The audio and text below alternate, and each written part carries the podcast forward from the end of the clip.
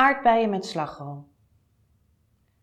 Het licht kwam door een kier tussen de dikke fluwelen gordijnen en door het laken dat ik over mijn hoofd had getrokken. Ik sloeg het weg. Leunend op mijn ellebogen keek ik voorzichtig om me heen. Mijn panty en mijn jurk had ik gelukkig nog aan. Mijn schoenen lagen uitgetrapt aan het voeteneinde van het bed. Naast me lag de walrus, halfnaakt en slapend op het laken. Een punt ervan hield hij stevig in zijn hand. Op het kussen, tussen zijn hoofd en het bed ingeklemd, stond de zwarte damestas. Hij ademde zwaar. Hij snurkte terwijl ik hem bestudeerde. Het was niet dat hij heel groot was, hij was vooral een imposante hoeveelheid veel. Dat onzagwekkende veel ging heen en weer schuddend op zijn ademhaling alle kanten op. Af en toe ademde hij zeker een halve minuut niet. Dan wachtte ik vol spanning tot hij lucht naar binnen zoog. De walrus, of ik, had de gordijnen blijkbaar dus toch nog dicht gedaan. Op die stevige kier na. Hij ademde weer niet. Ik weet nog dat ik bang was dat hij helemaal op zou houden met ademhalen en dood zou gaan.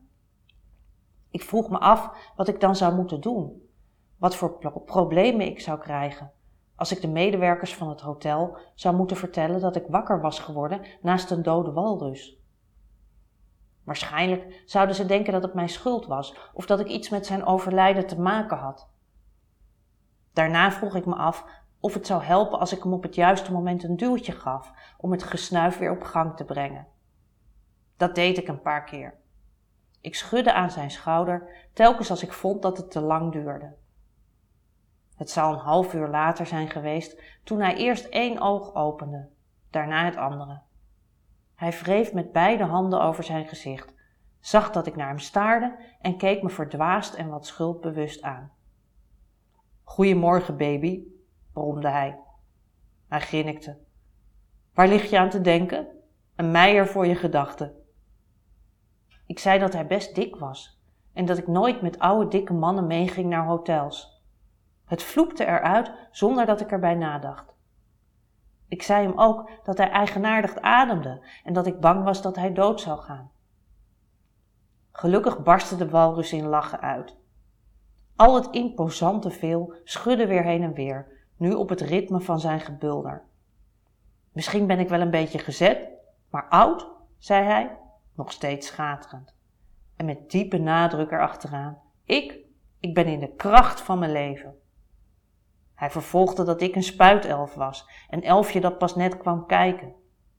Ik staarde hem half glimlachend aan. Niet dat ik het vervelend vind dat je een spuitelf bent. Je bent een beidehanden jonge dame. Die mogen er ook zijn. Hij wreef nogmaals met zijn handen over zijn gezicht. Het leek hem moeite te kosten om overeind te komen en om zijn evenwicht te bewaren, terwijl hij uit het king-size bed klauterde. Met een katachtige beweging sprong hij het bed uit, hoorde ik hem zeggen, eenmaal met beide benen op de grond. Zijn buik, zag ik toen pas goed, was enorm. Het was geen teddyberenbuik, zo'n prettig strak en rondstaand buikje. Het was een oude mannenbuik met een plooiering die over de rand van zijn onderbroek hing. Gelukkig informeerde hij niet nogmaals naar mijn gedachten. Hij ging op zoek naar zijn kleren en klopte zijn overhemd uit, dat als een hoopje op een van de stoelen lag. Om zijn colbertjasje op te rapen, bukte hij zich, wankelde toen weer, nog net op tijd kon hij zich aan de koffietafel vastklampen. In zichzelf mompelend graaide hij spullen bij elkaar en stommelde naar de badkamer. De zwarte damestas had hij in zijn handen geklemd, terwijl hij zijn horloge, een antieke Rolex zag ik, gewoon op tafel liet liggen. Het was een enorme kamer. Naast het gedeelte met het king-size hemelbed was er een riante zithoek met een grote blauw-geel gestreepte sofa, twee goudgele antieke stoelen naast een design tv-meubel, een glazen koffietafel en een hoektafel met verschillende flessen drank erop. Op de koffietafel stond een schaal met aardbeien, onaangeroerd. Met mijn benen opgevouwen onder me ging ik met de schaal op een van de goudgele stoelen zitten. De slagroom hadden ze in een apart schaaltje gedaan. Onderin lag nu een plasje melkachtige drap. De aardbeien waren wat zompig en niet meer echt glanzend rood. Uit de badkamer kwamen plonsgeluiden. De walrus in een bad. Ik probeerde me voor te stellen hoe dat eruit zou zien. Een vrolijk dobberende zeekoe. De walrus op zijn rug met die buik half boven water, te midden van ronddrijvende kropjes sla. Ik vroeg me af of hij boos zou worden als hij wist dat ik zo over hem dacht. Het leek me van wel. De meeste mannen vinden het niet leuk om op een zeekoe te lijken. Van dichtbij leken de labels van de drankflessen met de hand beschilderd te zijn. Naast de flessen stonden verschillende soorten glazen en er lagen zakjes met nootjes, pretzels en chocola. Boven de sofa hing een spiegel. Ik keek er heel kort in en zag wallen onder varkensoogjes, mascaravlekken, te dikke wangen en pluizig haar dat ook nog eens door de war zat. Uit de badkamer kwam alleen nog geneurie en geritsel. Het duurde vervolgens nog even totdat de walrus keurig aangekleed, zijn natte haren gekamd, maar ongeschoren, voor me in de kamer stond. In zijn ene hand de zwarte damestas, in de andere de waszak van het hotel. En in die licht doorzichtige zak leken in wc-papier gewikkelde pakjes te zitten. Pontificaal zette hij beide tassen naast elkaar op de koffietafel. Zo, toch maar even gebadderd. Ik ben weer fris en fruitig. Een drankje en ik ben weer helemaal de jouwe, zei hij, terwijl hij de fles met gin van het hoektafeltje pakte en zichzelf een meer dan dubbele borrel inschonk. Er zat een lijst aan de waszak geniet, waar je op aanhoorde te geven welke kledingstukken je gewassen of gestoomd wilde hebben. Bij Pens las ik drie uur, puntmuts. Ik at stoïcijns van de aardbeien en deed alsof het net zo normaal was als de drank die hij achterover sloeg.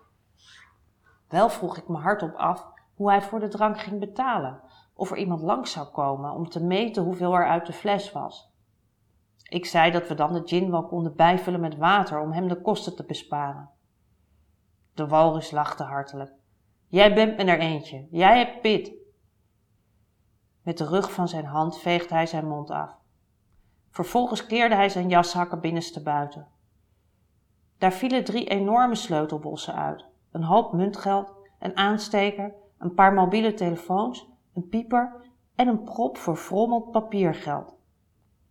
De telefoons, de sleutels, de pieper en de aansteker deed hij in de damestas. De prop ontwaarde hij. Geld is het enige dat telt, maar kleingeld telt niet mee, mompelde hij, terwijl hij de munten en wat tien gulden biljetten opzij schoof. Die zouden op de salontafel achterblijven.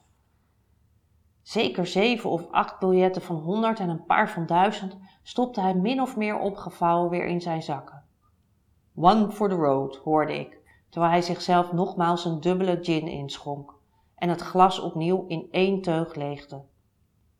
Mij duwde hij vier briefjes van 25 in mijn handen. Ik keek hem vragend aan. Ze waren nog voor mijn gedachten. Het was al ver in de middag toen we de kamer verlieten. De walrus liep voor mij uit, met de waszak in zijn hand, richting de hal van het Amstelhotel.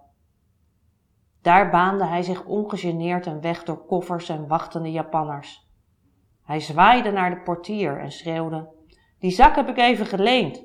Je krijgt hem weer terug als hij leeg is. De portier knikte uiterst bedaard, alsof hij dagelijks mannen met waszakken het hotel zag verlaten. De walrus kwam naast me zitten, achter in de taxi, de waszak tussen ons in. Hij zei dat we even de was gingen afleveren bij broer Konijn, zodat die de puntmuts blij kon maken. Die namen, broer Konijn en de puntmuts, zou ik later gaan begrijpen, die hoorden net zo bij de wereld van de walrus als de walrus zelf. Al was hij soms Nico, en voor anderen was hij weer de bolle. Dat leverde voortdurend verwarring op. Bijvoorbeeld wanneer hij in een restaurant of café in gesprek was met iemand die hem kende als Nico, maar ondertussen door een langslopende collega met een andere naam werd aangesproken. We waren nog maar net vanuit de Utrechtse straat de Prinsengracht opgedraaid toen de taxi op verzoek van de walrus stopte. Hij stapte uit en kort nadat hij had aangebeld ging er een deur open. Een man met zwart haar nam de waszak en de zwarte damestas in ontvangst en gaf de walrus een klein plastic tasje terug. Broer Konijn zag er wat verdwaasd en onuitgeslapen uit. Terwijl de walrus tegen hem praatte, leunde hij, gekleed in alleen een hemd en een vale joggingbroek, tegen de deurpost. Hij knikte een paar keer naar de walrus en haalde zijn schouders op. Daarna wees hij op mij. De walrus draaide zich een beetje mijn kant op en samen zwaaiden ze naar me. Toen ik vriendelijk terugzwaaide, moesten ze allebei lachen.